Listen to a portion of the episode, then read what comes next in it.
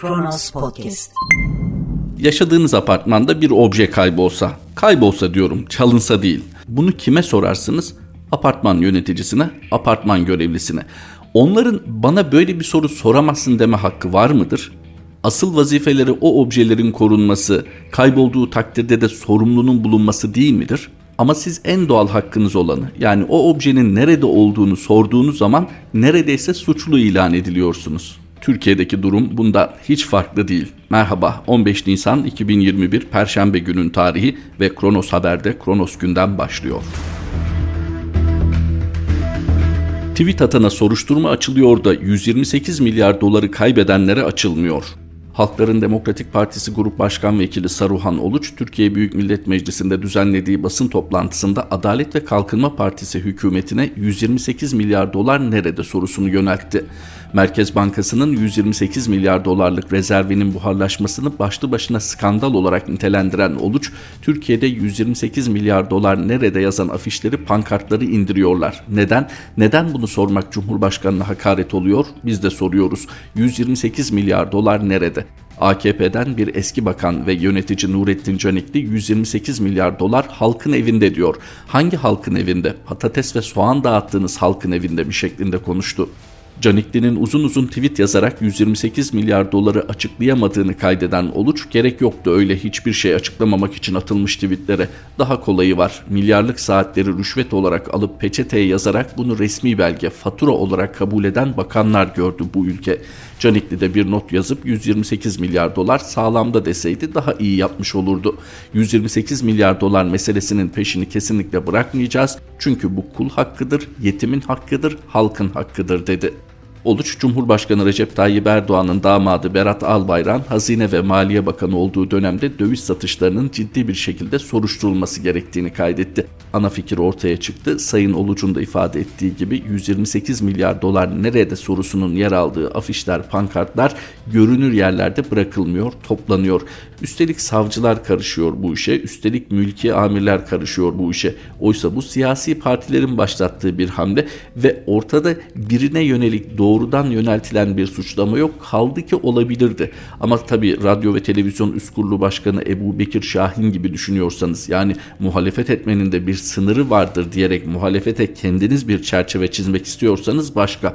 Çünkü hali hazırda bu 128 milyar dolar nerede sorusuna soruşturma açan savcılar var ya o savcıların bu 128 milyar dolar nerede diye soruşturma açmaları gerekiyor. Neden soruluyor diye değil. Fakat hukuk bu ülkeye veda edeli bunlar gayet doğal oldu. Burada belirtmek lazım CHP'nin başlattığı 128 milyar dolar nerede sorusunu HDP'nin de sahiplenmesi gibi kendini muhalif olarak addeden kim varsa şu dönem itibariyle bu soruyu daha yüksek sesle sormalı, daha görünür yerlerde asmalı o soruyu taşıyan pankartları, afişleri. 128 milyar dolar nerede sorusu son derece haklı, anlamlı ve gerekli bir soru. Hükümetten farklı ağızların farklı açıklamalar yapması zaten bu konuda başlı başına bir soru işareti. Cumhurbaşkanının bu konuda sırf kendisinin iki farklı ifadesi oldu. Bununla birlikte başdanışmanı farklı konuştu. AK Parti yönetiminde ve hükümette farklı görevler almış Nurettin Canikli farklı konuştu. Kalkıp bu konuda hükümetin artık ciddi bir açıklama yapması gerekmiyor mu? Ama Sayın Cumhurbaşkanı yine çıkıp dese ki bunlar için size cevap verecek vaktimiz yok. Kim ne diyebilir? Zaman zaman ifade edilir. Devletin hazinesi diye bir kavram yoktur. O halkın hazinesidir, milletin hazinesidir. Devlette ilgili görevliler onları sarf etmekle yükümlüdürler ama bu yükümlülüklerinin bir de hesap verme kısmı var. Kamuya ait birikimlerin nerede harcandığı, ne şekilde harcandığı, kimlere hangi usulle verildiğini sormak kamunun en doğal hakkıdır. Yani şu an Türkiye'de herkesin bir muhalefet partisi mensubu olmasına gerek yok. Herkesin sorabileceği en doğal soru 128 milyar dolar nerede sorusudur. İşte muhalefete düşen bunu kitlesel bir eyleme dönüştürmek. Bugüne dünden kalan en güzel haberi ıskalamayalım. Avrupa İnsan Hakları Mahkemesi kararı sonrası Yargıtay'dan Ahmet Altan'a tahliye. Yargıtay 16. Ceza Dairesi silahlı terör örgütüne yardım suçundan hapis cezasına çarptırılan Ahmet Altan ve Nazlı Ilıcak hakkındaki hükmü bozdu. 15 Temmuz darbe girişimiyle ilgili darbe çağrışımı davasında silahlı terör örgütüne bilerek ve isteyerek yardım suçundan Altan'a verilen 10 yıl 6 ayla Ilıcak hakkındaki 8 yıl 9 ay hapis cezasına ilişkin temiz incelemesi tamamlandı. Altan ve Ilıcak hakkındaki hükmü bozan Yargıtay 16. Ceza Dairesi tutuklu sanık Altan'ın bozma gerekçesi ve tutuklulukta geçirdiği süreyi dikkate alarak tahliyesine karar verdi. Avrupa İnsan Hakları Mahkemesi tarafından Ahmet Altan'la ilgili olarak hak ihlali kararı verilmiş ve Türkiye para cezasına çarptırılmıştı. Altan'ın avukatı Figen Alboğa Çalıkuşu sosyal medya hesabından yaptığı paylaşımda müvekkilim Ahmet Altan tahliye oluyor, evrensel hukuk ve değerler şaşmaz ama hukuksal zorbalık kayda geçer dedi. Çalıkuşu Ahmet Altan'a 4 yıl 7 aydır uygulanan hukuksal zulmün bomboş bir dosyayla yapıldığının kayıt altına alındığını belirterek 15 Temmuz yargısının hukukunun nasıl yalpaladığını Avrupa İnsan Hakları Mahkemesi tescil etti dedi.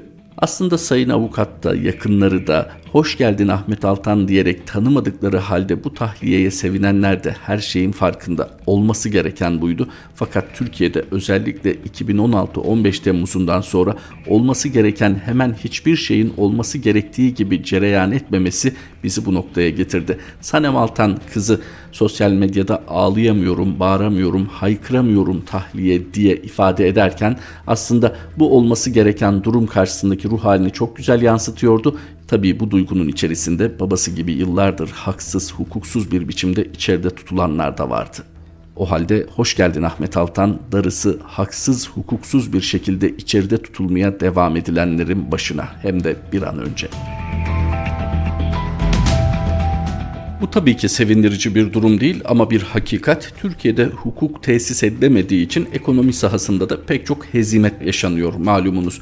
Peki Türkiye'de bunun hesabı sorulamıyor da dünyada sorulmuyor mu? Elbette ilintili olan davalar var. Turhan Bozkurt da Kronos için Erdoğan büyük savaşa hazırlanıyor başlıklı yazısında Amerika Birleşik Devletleri'ndeki Halkbank davası üzerinden bu konuyu ele alıyor.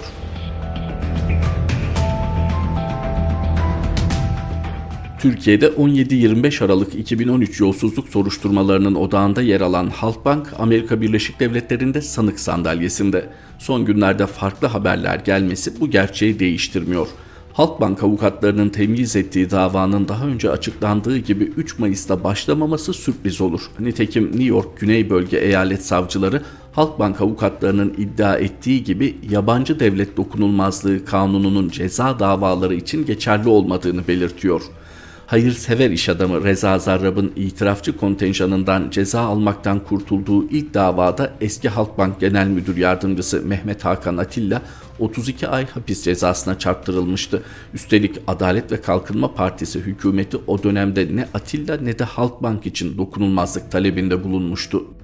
Cezasını çeken Atilla 2019 yılı Temmuz ayında Türkiye'ye döndüğünde havalimanında VIP salonunun kapısında dönemin Hazine ve Maliye Bakanı Berat Albayrak tarafından karşılanmıştı. Albayrak Atilla fotoğrafıyla yeni bir sayfa açılmış gibi görünse de ABD İran'a dönük müeyyidelerin ihlal edilmesini kolay kolay affetmeyecek. 20 Ekim 2019'da Borsa İstanbul Genel Müdürlüğü'ne getirilen Atilla'nın 9 Mart 2021'de istifa etmesi de gösteriyor ki Cumhurbaşkanı Recep Tayyip Erdoğan da Halkbank davasında tehlikenin farkında. Atilla'nın istifası 3 Mayıs'ta başlaması planlanan Halkbank davası öncesinde okyanus ötesine uzlaşma işareti olarak yorumlanabilir. Daha evvel Atilla için onu sahiplenmeyeceğiz de kimi sahipleneceğiz diyen Erdoğan'ın yüklerinden kurtulmaya çalıştığı anlaşılıyor. Başka bir ifadeyle Erdoğan, Biden yönetimiyle mutabakat zemini yakalayabilmek ümidiyle Atilla'yı feda etti. Diğer yandan Atilla ile aynı dönemde Halkbank'ta genel müdür yardımcısı olarak görev yapan Şahap Kavcıoğlu da 20 Mart'ta Merkez Bankası Başkanlığına getirildi. Atilla'nın istifa ettiği 9 Mart'la 20 Mart arasında geçen 11 günde kapalı kapılar ardında hangi pazarlıkların yapıldığı şimdilik sır. Ancak Naci Ağbal'ı azledip Kavcıoğlu'nu paranın patronu olarak Türkiye Cumhuriyet Merkez Bankası Başkanlığı koltuğuna geçiren Erdoğan bu kararıyla hem yakın çevresine hem de piyasalara savaş hazırlığı işareti verdi. Erdoğan Halkbank davasında umduğunu bulamayınca komplo ve dış mihrak retoriğine sarılacak. Ne de olsa Beyaz Saray'da artık Donald Trump gibi her aradığında karşısına çıkan bir başkan yok. ABD Başkanı Joe Biden 20 Ocak'tan beri Erdoğan'ın telefonlarına çıkmıyor. Dava hem Erdoğan'ın hem de Halkbank'ın üzerinde Damokles'in kılıcı gibi sallanırken Türkiye'nin 3 kamu mevduat bankasından biri olan Halkbank mum gibi eriyor. 1 Mayıs 2013'te 27,3 milyar lira piyasa değerine ulaşan Halkbank 12 Nisan 2021'de 10,7 milyar lira seviyesine geriledi. Dolar bazında ise tek kelimeyle tükendi. Halkbank'ın söz konusu dönemde piyasa değeri 10,7 milyar Amerikan dolarından 1,2 milyar Amerikan dolarına geriledi. Türkiye'nin hukuk devleti ilkelerinden uzaklaşması, serbest piyasanın sadece isminin kalması ve giderek esrarengiz bir mahiyete bürünen Türkiye Varlık Fonu müdahaleleriyle Halkbank davası birleştiğinde Borsa İstanbul'un niye paraşütsüz inişe geçtiği daha iyi anlaşılıyor. Tek yönlü uçak bileti alan yabancı son sürat Türkiye'yi terk ediyor. 2018 yılı kur şokundan beri BIST yüzde kayıplar hızlandı. 2018 yılı kur şokundan beri BIST yüzde kayıplar hızlandı. 2007, 2010 ve 2011 yıllarında olmak üzere 3 defa 5 sent değerine ulaşan BIST 100 hali hazırda 1,74 sent. 2016-2017 sonu ortalaması 3,24 sent. 2018-2021 ortalaması ise 1,90 sent. 2018 yılında 3,2 sent olan endeks %46 eridi. Son 10 yılda BIST 100 endeksi dolar bazlı %63 değer kaybederek 4,55 sentten 1,70 sente geriledi. Borsada yabancı payı da %42'ye kadar geriledi ki 2001 krizinden bile daha düşük bir seviye bu. Yabancı giderken borsa çöküyor ve geride enkaz yığını kalıyor. Akbank, Garanti BBVA, Ford Otosan, Koç Holding, Sabancı Holding, Türk Hava Yolları ve Ereğli Demir Çelik gibi Türkiye'nin devlerinin işlem gördüğü BIST yüzde son 10 yılda dolar bazlı kazanç sağlayan hisse sayısı sadece 35. Türkiye'nin esas krizinin seçimli otokrasi ve tek adam rejimi olduğunu idrak etmeden siyasi ve ekonomik çöküş durdurulamayacak. Hisseler çok ucuz alalım diyenlerin ucuzun da ucuzu var sözüne verecekleri bir cevap yok tabi. Böyle giderse BIST ben sana sen bana şeklinde işlemlerin ağırlık kazandığı kırmızı eşeğin bir gün yeşile öbür gün sarıya boyanıp satıldığı bir borsaya dönebilir. Velhasıl fiyatın ve işlem hacminin arttığı ancak değerinin çok da fazla artmadığı bir borsa.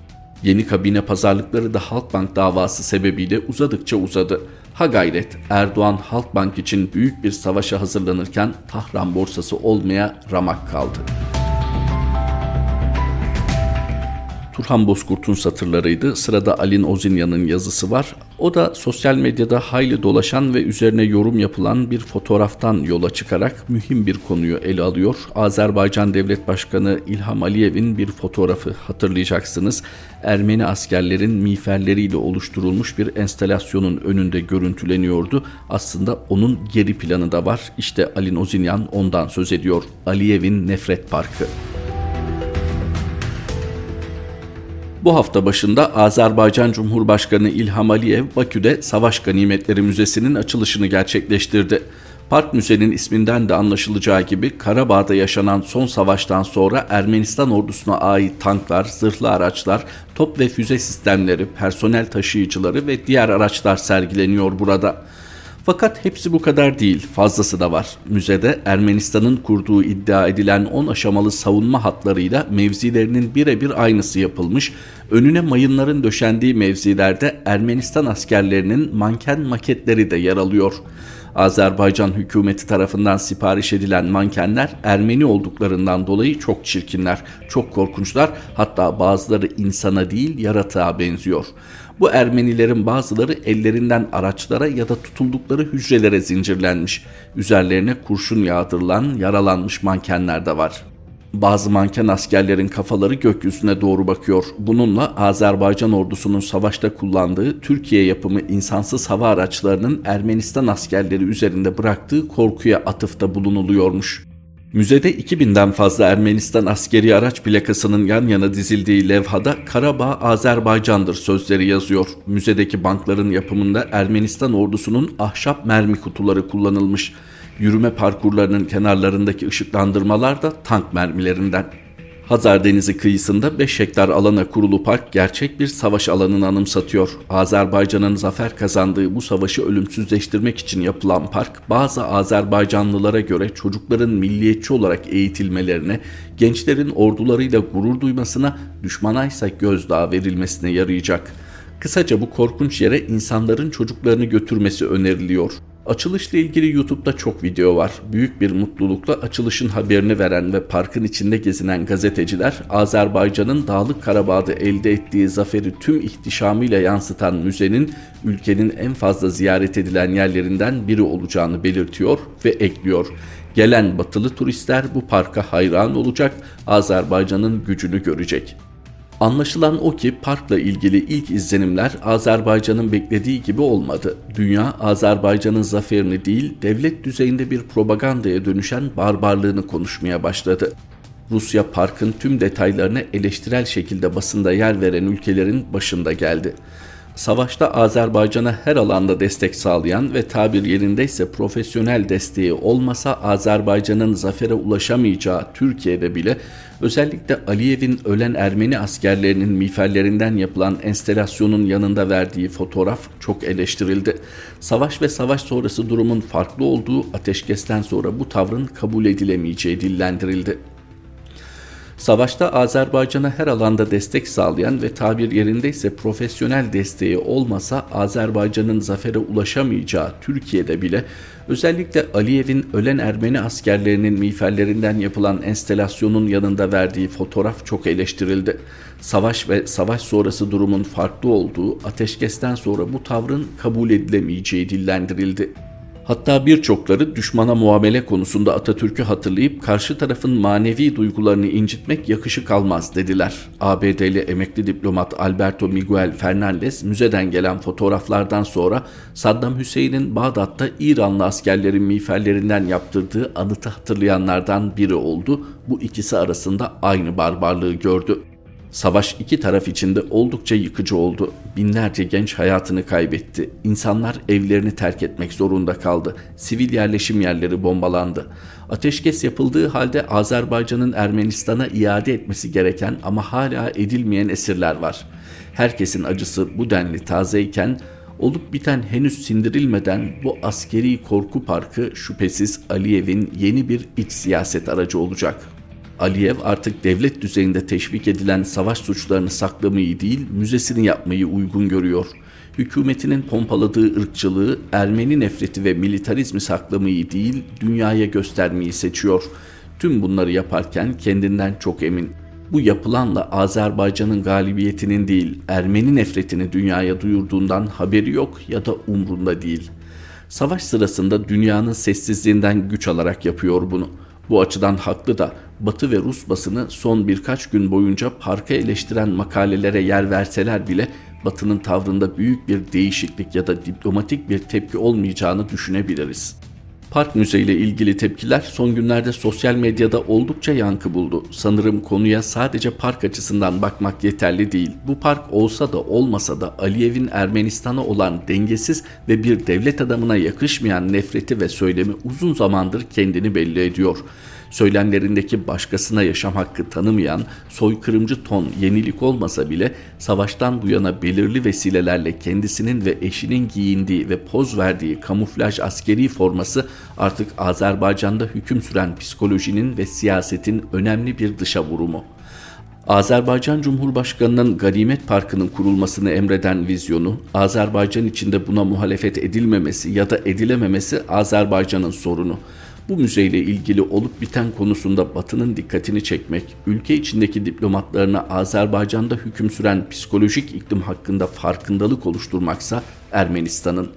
Demokrasiden gittikçe uzaklaşan, NATO'nun batılı ordusu ve taktikleriyle zafer elde eden ama cihatçı bir ruhla zaferini kutlayan Azerbaycan başta en büyük kötülüğü kendine ediyor.'' Tüm bunlar olup biterken Aliyev'in Karabağ'da Ermenilerle barış içinde yaşayabileceğimizi göstereceğiz ve Erdoğan'ın Kafkaslar'da barış istiyoruz, Ermenistan'la sınır bile açabiliriz sözlerinin ne kadar temelsiz olduğunu kavruyoruz. Bu yaşananlar doğal olarak bölgede uzun yıllardır ulaşılamayan birlikte yaşayabilme idealine halkları yaklaştırmıyor. Üstelik bunların ötesinde savaşın aslında Azerbaycan'da iç siyasetin oyuncağı ve Aliyev'in hüküm süresini uzatmak için bel bağladığı temel argüman olduğunu gösteriyor. Bir yandan da insan sormadan edemiyor böyle bir barbarlık müzesini Rusya açsa Batı nasıl tepki verirdi, yer yerinden oynamaz mıydı diye. Ali Nozinya'nın satırlarıyla Kronos gündemin sonuna geldik. Kronos Haber'de tekrar buluşmak üzere. Hoşçakalın. Kronos Podcast